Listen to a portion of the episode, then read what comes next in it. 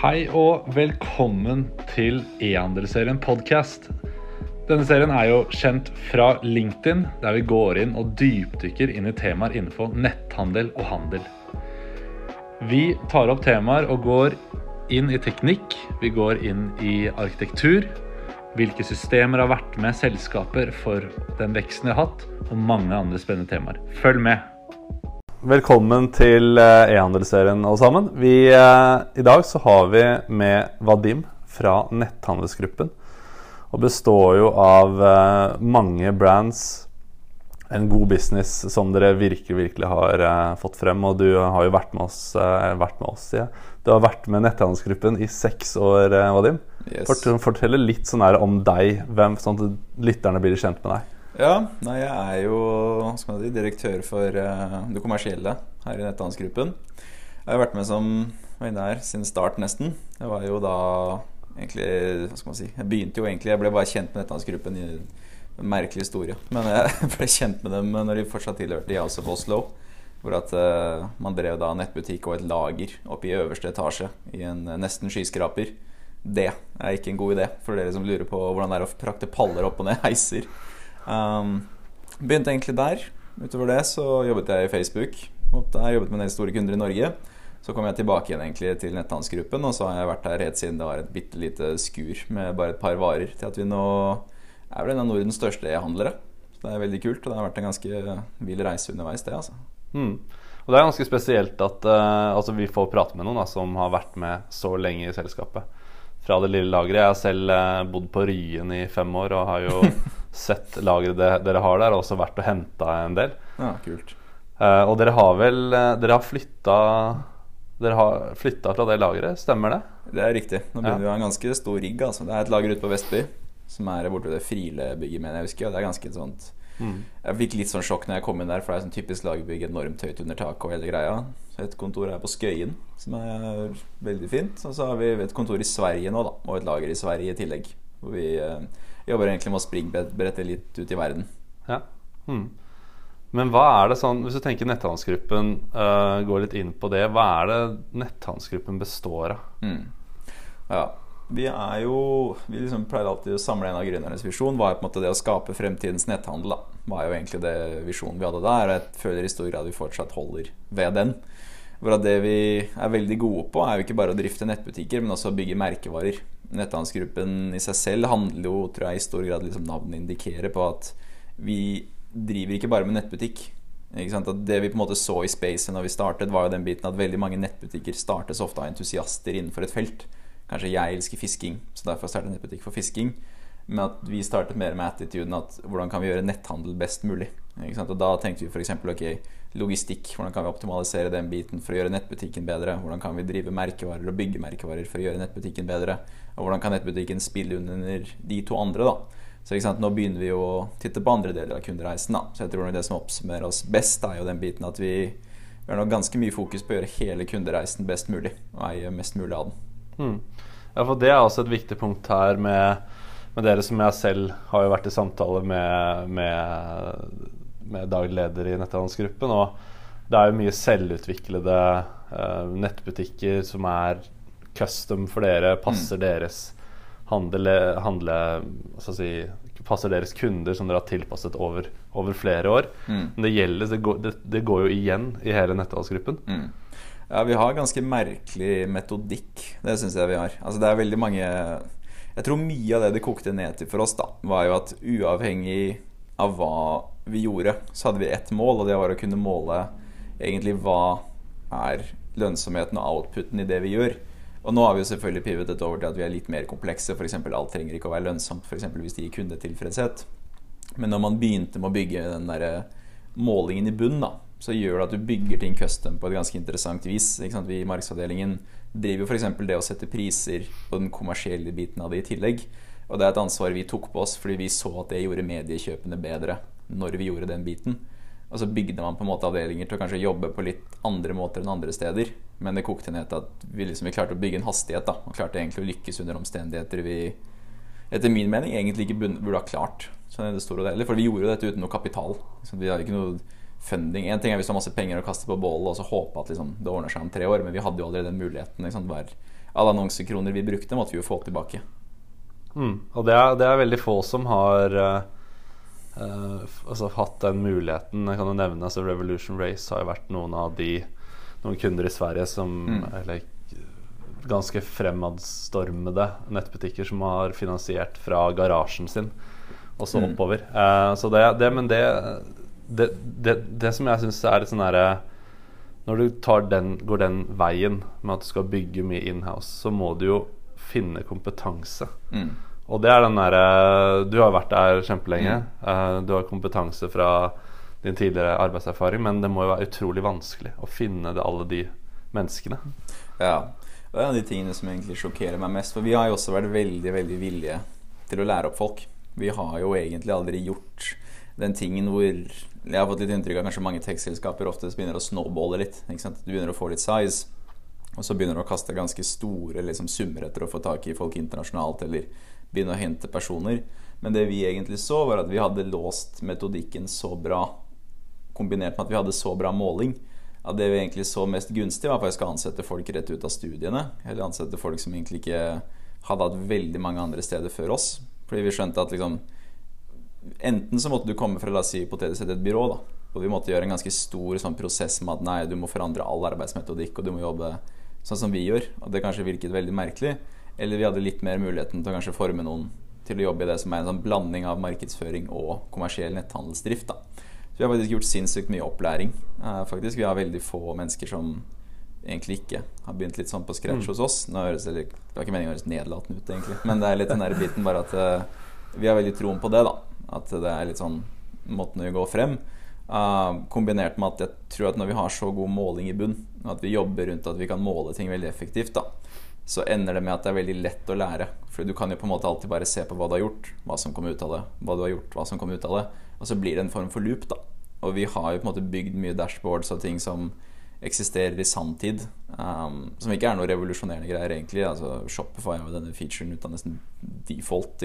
Men case gjør at hvis du klarer å analysere den dataen konsistent, da, så er det jo egentlig ganske lett å lære å bli flink. Fordi i det store og det hele så handler jo egentlig, det er jo egentlig det det handler om. At sånn, jo fortere du klarer å lære, jo bedre er det. Og at vi trenger ikke å vente på en årsrapport eller vente på at revisor gjør ferdig et regnskap før vi kan se fungerte det vi gjorde vi kan egentlig se det i real time. Og det gjør at vi lærer veldig fort òg, da. Mm. Altså det er effektivitet uh, i alle systemer og utviklede løsninger som, som jeg iallfall ser, da. Og det er vel egentlig den uh, Altså Som sagt, det er noen, noen nettbutikker som har gjort det, uh, og dere er noen av dem. Men dere er jo ganske mye større enn tights.no, som mm. mange mange hvert fall, hvert fall, jeg tenkte som i starten Det, det, det er netthandelsgruppen. Mm. Men så er det Comfy Balls, for å nevne noen. Og du viser jo masse egne brands som mm. dere også selger. Ja, så vi har blitt en del over tid. Nå er det jo alt fra liksom, Logistikken er jo i tillegg på en rigg hvor vi server andres logistikk. Um, og i tillegg så har man jo som sagt, du var inne på, merkevarene vi driver. Liksom, Tights.no er jo egentlig bare et merkevarehus som distribuerer veldig mange av merkevarene vi har laget og vi har utviklet, og vi fortsetter å egentlig innovere med. Mm. Um, og jeg tror egentlig alle disse tingene sammen har gjort at vi er en ganske sterk loop. På en måte At vi ser jo hva kundene er ute etter, hva de kjøper, og dermed hva vi burde utvikle. Så vi sitter jo veldig tett på den feedbacken i tillegg. Jeg synes jo altså Det er jo kanskje veldig ambisiøst, men det er jo noen paralleller til Amazon f.eks. I deres satsinger. At de fulgte jo veldig tett med på hva andre aktører kjøpte på deres side, eller hva kunder mm. handlet. Og så begynte de liksom å utvide i deres private labels sakte, men sikkert. Um, og er ikke, liksom, Vi har jo ingen intensjon om å slutte med andres merkevarer. i det hele tatt Vi, finner, vi kommer f.eks. aldri til å finne noe erstatning for Under Armour eller Red Bull. Eller sånne type merkevarer De står jo veldig sterkt. Men jeg mm. tror det er veldig mange muligheter til å supplere da med å ha egne merkevarer og liksom, utvide kundetilbudet. Ja, jeg, altså, jeg, tror heller ikke at det er noe feil å, å satse høyt og si Amazon. Liksom. Det jeg syns jeg er egentlig bare fett at man har, har, har uh, muligheten til å gjøre. det. Uh, og dere har jo bevist det, det er ganske bra. Ja, jeg tror én ting under det. Altså, det er kanskje lett at man forklarer det sånn, så høres det veldig utopisk ut. på en måte At vi har det perfekte tekstsystemet og alt. Liksom, når man kommer inn så er det sånn fire vegger hvor det sitter en eller annen sjaman og vet liksom morgendagens omsetning. Men case er jo mer Jeg tror det alltid har bundet i at En av grunnene til at jeg har vært her så lenge òg, er jo at man har en sånn veldig sterk fighter spirit. da Og at man liksom sånn uavhengig av hvor store vi blir, så har vi på en måte en sånn viss en viss sånn lyst til at vi fortsatt er underdogs. da på mange måter. Jeg tror liksom ikke vi har kommet til det punktet. Jeg vet egentlig ikke når vi kommer dit. At vi kommer til å tenke på oss selv som at sånn, nå er vi en av de store. Nå kan vi lene oss tilbake og bruke litt sånn seks måneder på en eller annen prosess, og så er det ikke så farlig om det ikke blir noe av. Det handler litt om at sånn, vi ønsker å opprettholde den hastigheten, da, uansett. Mm. Ja, men det, det, tror er, det, tror jeg er, riktig tenkt. Og, det, tenkt, og den der, ja, måten dere har kommet opp og frem på. Den, og jeg ser for meg at kulturen har vært, som du sier, fighter har vært veldig, veldig viktig.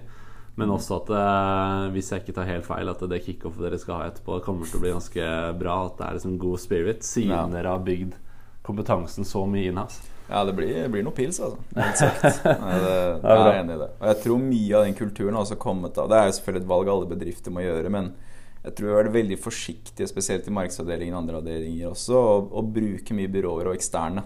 Um, selvfølgelig er det begrensninger i hvor mye du kan gjøre internt, naturligvis, men jeg tror jo mer man klarer å dyrke den kulturen i et selskap, jo mm. lettere er det å ha hastighet og være stolt av det i tillegg. da. En av våre største bekymringer var jo på en måte å ende opp um, Mens vi vokste som en litt sånn mange selskaper er vi bekymret for, og vi har sett skje med dem, er at man blir et litt sånn skall, f.eks. en markedsavdeling hvor du har liksom fire byråer da, som alle server én markedsavdeling som egentlig ikke helt lenger vet hva de gjør. Og du mottar så mye fragmentert informasjon, og så mye av budsjettet blir brukt utenfor huset. At du sitter egentlig ikke igjen med sånn helt forståelse for hva er det som egentlig gjør oss til de vi er i dag, og liksom, hvordan skal vi forbedre det. Og liksom Alt blir veldig fragmentert, og så ender du bare med å hele tiden bytte byråer i håp om at sånn en eller, annen, en eller annen lys skal komme fra klar himmel. Da. At nå har vi funnet den magiske miksen uten å vite hva man leter etter. Um, så Vi kommer jo garantert Vi bruker en, ett byrå nå for, eksempel, for branding, og vi utvider disse prosessene hele tiden. Og vi har ikke noe mot byråer generelt, men jeg tror mye av det som har gjort kulturen vår til det den er, da, er at vi har vært veldig forsiktige med å, å outsource alt, og så sitte igjen med på en måte kanskje ikke noe kultur selv. Mm. Ja, men det er også et eh, ganske altså et kjennetegn til et, uh, til et prosjekt. Enten det er et netthandelsprosjekt når man skal implementere en ny løsning, eller uh, det er å gå inn på logistikk og velge det riktige systemet, eller, eller byråene som nevner, er jo at det, det er selskaper som ikke helt er klare. Mm for å ta imot det byrået, eller mm. for å ta imot den, den hjelpen egentlig de spør etter. Og så mm. Kan plutselig prosjektet bare falle ned. Det er ja. ikke bare selvfølgelig kunden eller den personen som skal ta inn dette byrået, men det er mm. også på, på den andre siden at det kan skje feil. Men det ofte så er det den, opplever i hvert fall jeg i, i bransjen. Mm. Det er der en feil kan, uh, kan ligge. da Og det virker jo som at dere, når et byrå kommer inn hit, så har du ganske sånn kontroll på at mm dette er det vi skal gjøre, og vi trenger mm. hjelp til akkurat dette her. Ja, vi går jo opp en sånn brandingprosess nå med SMFB som byrået vårt for det. Og der har det vært en veldig veldig god prosess. For sånn som du er inne på, Vi har avgrenset det veldig tydelig. Dette er bitene av merkevaren vi håper å finne ut av. Og vi vet egentlig hva vi håper å finne ut av før vi starter. Jeg tror det er litt sånn som, i hvert fall De casene du beskriver, høres like ut som de jeg har hørt. At det er sånn byråer som ofte får en kunde hvor ja, det er hyggelig å få inn på en måte cashflowen, men dette er en kunde som ikke aner om hva de ber om kombinert med at de håper på et mirakel. Og så er det sånn Det er nesten dødsdømt fra start. Og så er det det Kunden vil jo alltid tro at de har alt på det rette, men når det, kanskje ikke det er tilfellet. Altså, ja. Ja, ja, altså det, jeg, jeg har selv vært i et, eh, et par møter i det siste, og det, der, vi, der vi får muligheten til å komme inn og dere kan egentlig bare lage et forslag til oss basert på at vi ønsker å satse på nettbutikk. Og jeg har full respekt for det ønsket, mm. uh, og at man også er der. Uh, og da må vi bare Ok, da må vi lage en perfekt business case. Da. Mm. uh, men så kan du Det er den derre når den uh, Når vi setter i gang, og de har liksom signert på den business casen, så kan problemene oppstå fordi at man ikke, de er ikke klare for den. Og den, uh, den er så god, mm. god, kjennskap til det. Um, jeg ønsket å ta litt opp uh, Når jeg gikk gjennom lokalene her, mm. uh, til møterommet, så er det jo noen, noen influensere som sitter der. Ja. Uh, og generelt som markedskanaler eller sosiale medier og mm. influensere. Dere er jo overalt. Ja, det, det er søtt at folk sier altså. Det er merkelig å gjøre. Altså, jeg har jobba her så lenge Jeg er liksom miljøskadd. At når jeg liksom starta, så var det sånn Jeg sa hvor jeg jobba i sånn tights. Så var det sånn folk, folk, hadde ikke hørt om tights.no før, så de trodde liksom jeg solgte tights som en sånn halvpervo. Og det var jo ikke helt optimalt. Men nå har jeg plutselig alle hørt om nettbutikken, og det er veldig gøy. Ja. Men ja, hvis vi Markedskanalene våre? Ja, ikke sånn her, hvilke, sosiale, hvilke, hvilke sosiale mediekanaler hvis, man, hvis, det er det som er riktig mm. term, da, eh, er dere på i dag? Ja, Nei, de to store for oss er jo på en måte Meta er jo den ene liksom Facebook og Insta blir jo mer og mer likt, på en måte. Um, og så har man jo TikTok, som vi stadig prøver å ekspandere inn i mer og mer, da. Det er de sosiale kanalene, i hvert fall. Nå ser Vi på en måte Altså vi er en av de liksom, klassiske direct to consumer-gutta som ble store på Facebook i sin tid. Og nå syns vi på en måte vi ser den samme trenden i TikTok. da Og det er jo på en måte ikke noe Jeg føler ikke det er en sjokkerende profeti for mange, egentlig. Det er sånn Jeg, kan ikke, jeg mista egentlig tellingen hvor mange tidligere kollegaer fra Facebook som har bytta jobb til TikTok. Så hvis det er noen indikator, så er det noe. Men mm. uh, Så vi på en måte prøver alltid å balansere budsjettene og kanalene. Ja, ikke sant. Og det, nevnte, det er jo en kanal du ikke nevnte. Det er jo Snapchat. Ja. Uh, som uh, Er det noen grunn til at dere ikke har beveget dere inn her, eller? Nei, vi har ingen sterke preferanser på en måte når det kommer til kanaler i seg selv. Den store grunnen er bare at vi har slitt med å se ROAS-en og volumet, egentlig. Ja. Har vært den. Nå er det sånn Vi har absolutt ikke noe problem med å gi det et forsøk til, eller pushe hardere der og få det til å funke. Og så har vi også lyst til å leke mye mer med spesielt brandingen i Snapchat. Vi tror det er veldig mye interessant å hente i filtre eller geolocations. Vi hadde nylig et prosjekt som var veldig interessant, hvor vi arrangerte tror det var rundt mai eller april, så hadde vi et treningsevent uh, på CrossFit Oslo, hvor vi da gjorde et event i veldedighet for Mental Helse Ungdom. For da hadde vi et eget Snapchat-filter for det eventet og den dagen. da Og det så jo bra bruk, og det var på en måte en kul ting å sy opp mot et event og gjøre det litt mer sånn omnikanal hvis man kan kalle det det i det store og det hele. Uh, når det kommer til annonseringen der, så har det egentlig bare vært sånn Kanskje vi bare ikke har fått det til helt, men mm. vi har ikke noe mot å prøve igjen, i hvert fall. Nei, nei, altså jeg, jeg bare lurer, så jeg ja. syns det er interessant å vite liksom, hva, uh, hvorfor noen velger noen kanaler. Mm. Og å være på alle kanaler betyr jo også kompetanse ja. innenfor alle kanaler, som igjen da dere er så inhouse-drevet, da, mm. som også kan være den utfordringen, kanskje. Ja, og det er jo litt Vi tror jo på en måte at på mange måter at f.eks. hvis man sammenligner Facebook, Insta, Snapchat og TikTok, ads-manageren er jo relativt like. Eh, og det er på en måte mye av kompetansen overlapper ganske mye der. Det er selvfølgelig noen nyanser, og hvis man ønsker å bli ekspert, vil det jo selvfølgelig være eksponentielt vanskeligere per kanal, men vi føler at de kan vi dekke ganske bra. Og vi er jo bare veldig ROAS-styrt av hvor vi putter pengene våre. Um, det vi sliter med, naturligvis, som kanskje har vært en stor feilkilde, er at det er vanskelig å måle overlapp her. Vi vet jo ikke om vi eksponerer deg fem ganger på Snapchat, og så fem ganger på Facebook, og så enda en gang på en annen kanal. Og det er jo på en måte så, Det er jo mange milliarder som er pumpa inn å finne ut av det. Men det er jo ikke mange som har klart å bygge noe tech som gjør det. Men det er jo litt av utfordringen, selvfølgelig, og det er jo, tror jeg farger tallene en del. Ja, ja, det er et godt tips til de som lytter på. Den tekken den uh, trenger folk tydeligvis. Så, eller selskaper. Så mm. bare å utvikle i vei. Ja. Um, for å gå litt videre Vi har snakket litt om en uh, markedsavdelingen deres. Uh, mm. Og hva er det som gjør den sånn spesielt god mm. utenom Hvis det er noe sånn spesifikt sånn her, hva, hva, er det som er så bra med avdelingen, avdelingen deres? Ja det er egentlig to ting. Det ene er at vi samles tror jeg, i veldig stor grad rundt én KPI. Og dette er pga. vi driver med netthandel, men det er på en måte netto dekningsbidrag generert. At det er veldig lett tror jeg, å kopi, altså, kopifisere ting og lage 1000 kopier for masse prosjekter. og liksom prøve å brekke ned ting i 100 masse ulike språk man snakker, da, hvor at ingen er helt enig i hva vi håper å her. Men vi har egentlig en ganske enkel holdning, at du kan egentlig gjøre hva du vil, så lenge det genererer det optimale med netto dekningsbidrag generert. Mm. Um, nå har vi selvfølgelig branchet det litt ut. For eksempel, nå er vi jo store nok til at vi kan drive ned brandingprosjekter, vi kan drive events. Vi forventer ikke noe umiddelbar payback på et event, f.eks. med veldedig inntekt.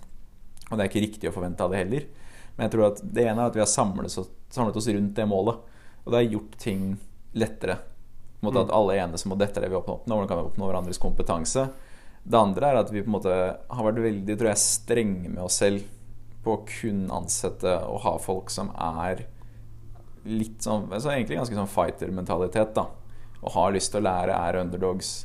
Har lyst til å drive med disse tingene fordi man oppriktig er interessert i det og gjøre med andre smarte folk rundt seg. Vi er veldig selektive på akkurat det. Og det tror jeg vi har vært veldig flinke på å være. At man har bygd en sånn kultur da, hvor at man oppriktig har lyst til å bli litt bedre hver dag. Jeg tror det er det som egentlig har definert oss i veldig stor grad. Fordi vi har egentlig vært veldig redde for at man får det tipping pointet mange bedrifter får når man vokser. At man blir litt mer rund i kantene når det kommer til hvem man slipper inn. Eller ja, jeg hørte fra han der at han er sikkert helt ok. Og så føler man litt sånn ok, det er ikke en bra cultural fit, men vi kjører på for det. Eller et eller annet sånt. Og så sakte, men sikkert så da går det litt utover avdelingen, da.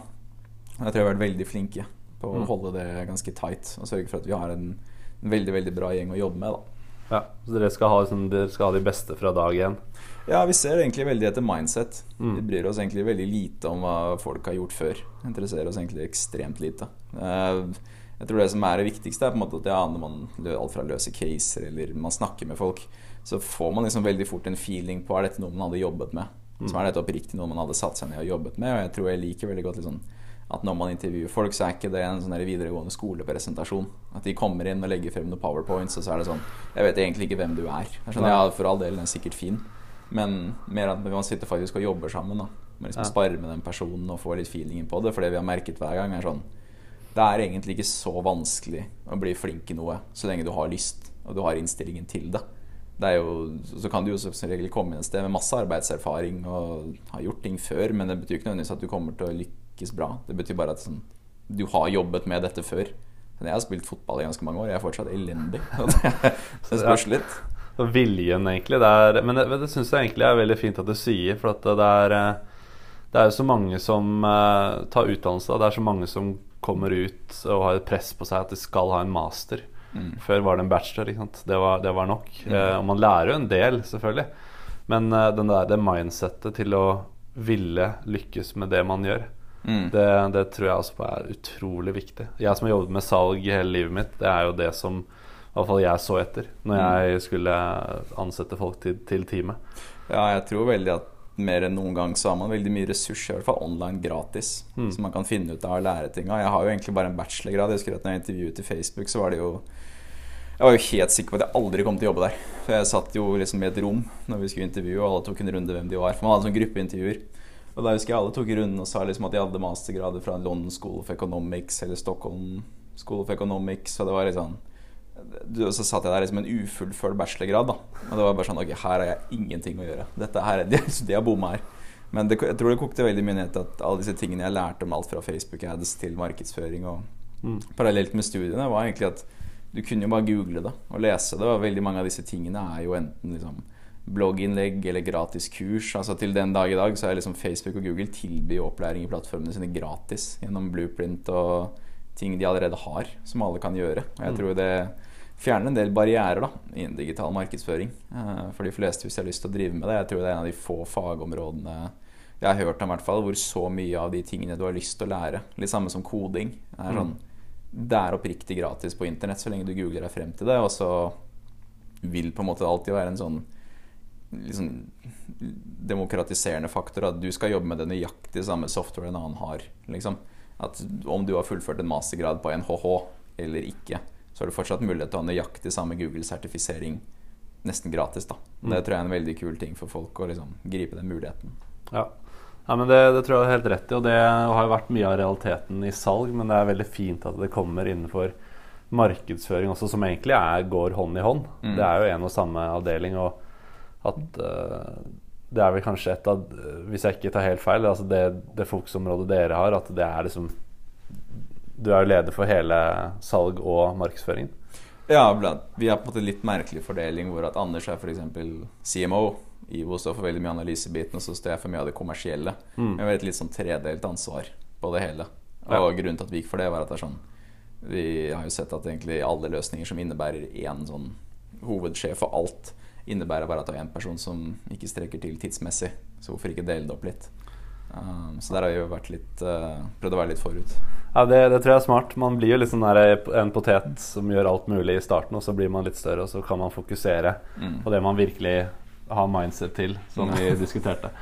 Uh, litt sånn uh, Hvis man tenker på netthandelen fremover, hva er det du ser for deg kommer til å bli viktig for, Mm. for dere? Altså fremtiden for netthandelsgruppen. Mm. Er det noe du kan røpe? røpe? Ja, Nei, altså det er jo Jeg føler de fleste snakker om det, og det er jo litt den biten med verdikjeden. At de fleste begynner å ville eie mer og mer av den. Man ser jo alt fra at liksom, uavhengig hvor stor bedrift du driver, hvis du selger andres merkevarer, så begynner kanskje de fleste å føle litt på at de begynner å ta tilbake disse merkevarene for å selge dem selv. Eksempel hadde jeg hørt fra flere sant, som at du får ikke lenger tilgang til de feteste kolleksjonene fordi de ønsker den distributøren å selge selv på sine flater. Eller f.eks. at betalingsløsninger begynner å stramme inn eh, og begynner å tilby mer Kanskje Klarna har begynt å tilby litt mer netthandelsorienterte løsninger ut av Klarna. Uh, man begynner egentlig å se at flere aktører ja, begynner å ta til, prøver å ta til seg større deler av verdikjeden. Da. Og det er ikke noe sjokkerende i det hele tatt. Man ser jo alt fra at sånn, Rema 1000 er et fint eksempel på det hvis man tenker inn retail. At nå satser de veldig tungt på egne merkevarer.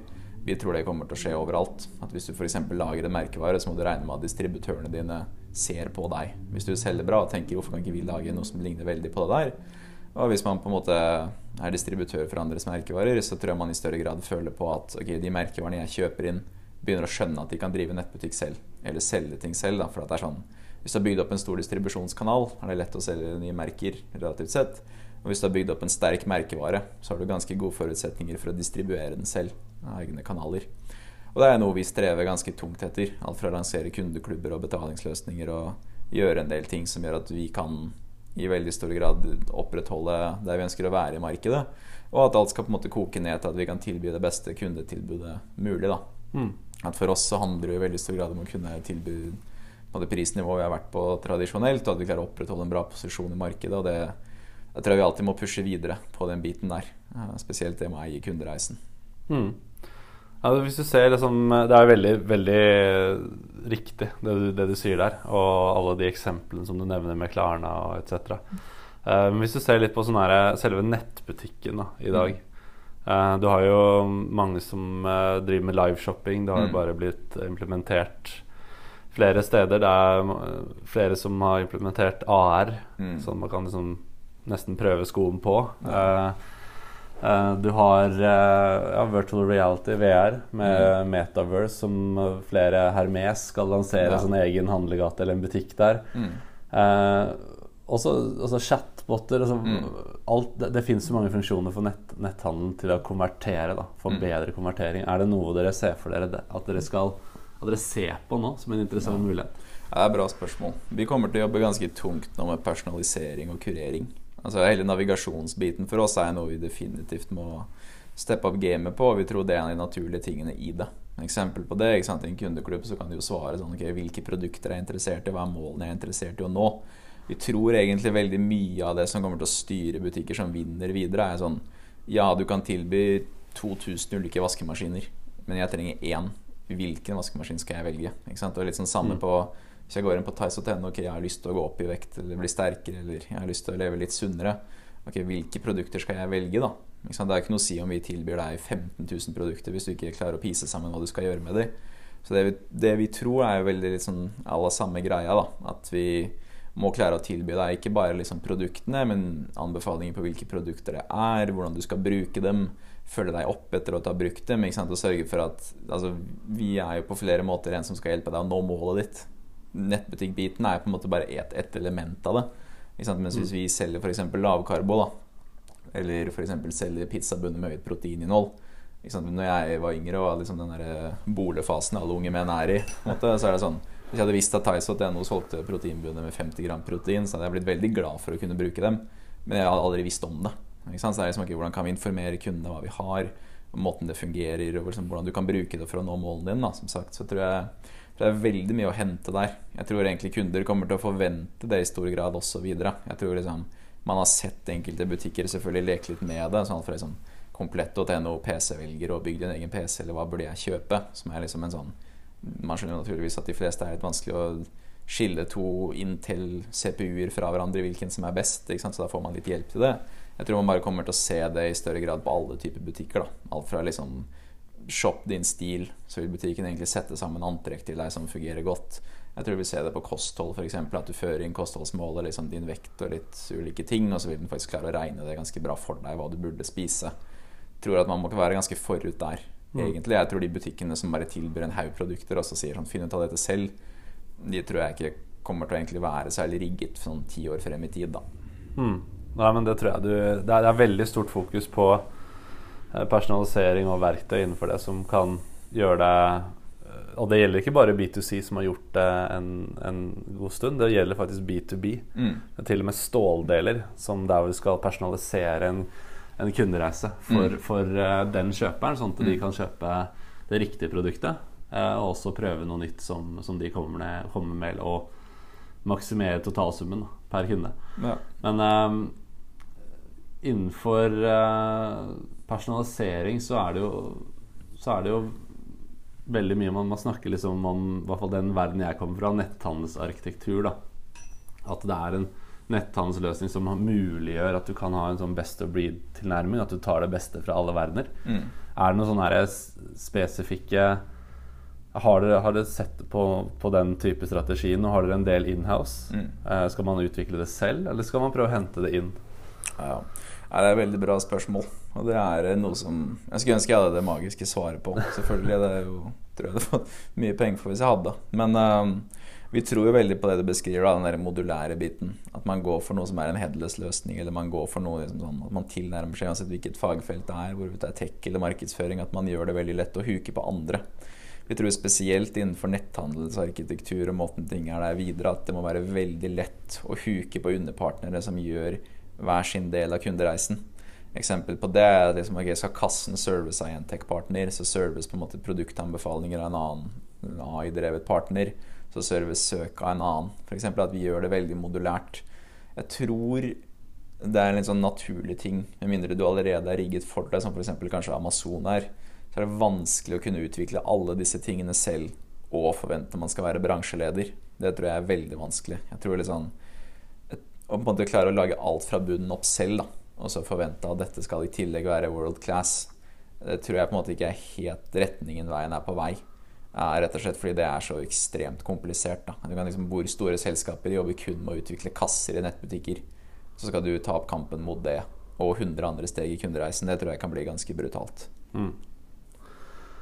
Vi, eh, vi begynner å komme Eller bli ferdig med, med denne episoden her. Mm. Men bare sånn litt for eh, siste ord eh, Mm. for lytterne sånn hvor, hvor tror du netthandelen er om 10-20 år? Om 10-20 år, da tror jeg egentlig det er ganske standard. Tror, sånn, det er jo per definisjon i dag, men jeg tror man kommer til å slutte å definere netthandel som netthandel. Jeg tror de begrepene kommer egentlig bare generelt til å begynne å havne under varehandel. Og det sier jeg ikke for å være veldig sånn semantisk, men det er mest bare sånn at som man allerede har eksperimentert med i dag, ikke sant? pickup i butikk. Liksom Du kjøper et eller annet og henter i butikken, og så betaler du der. Du gir det tilbake i butikken, får tilbake pengene på nett. Du tester produktet med AR på internett, og så henter du det i butikken eller får det lynlevert hjem. Jeg tror ikke man lenger kommer til å skille de to like mye. Jeg tror man kommer til å egentlig se at det er litt sånn hipp som happ hvor du kjøper det, og hva du gjør hvor. Om du ønsker å prøve i butikken, kjøpe på nett, prøve på nett, kjøpe i butikken. Jeg tror alle de tingene kommer til å blende veldig inn i hverandre, og så handler det egentlig bare sånn Hva er vårt hva, er vi, hva verdi leverer vi til kundene og til butikkene vi har? Og hvordan kan vi gjøre det bedre, egentlig? Så tror jeg man kommer til å skille veldig på de siloene. Mm. Yes. Nei, men tusen takk, eh, Vadim. Takk, det var hyggelig, hyggelig at du ville prate med meg. Absolutt.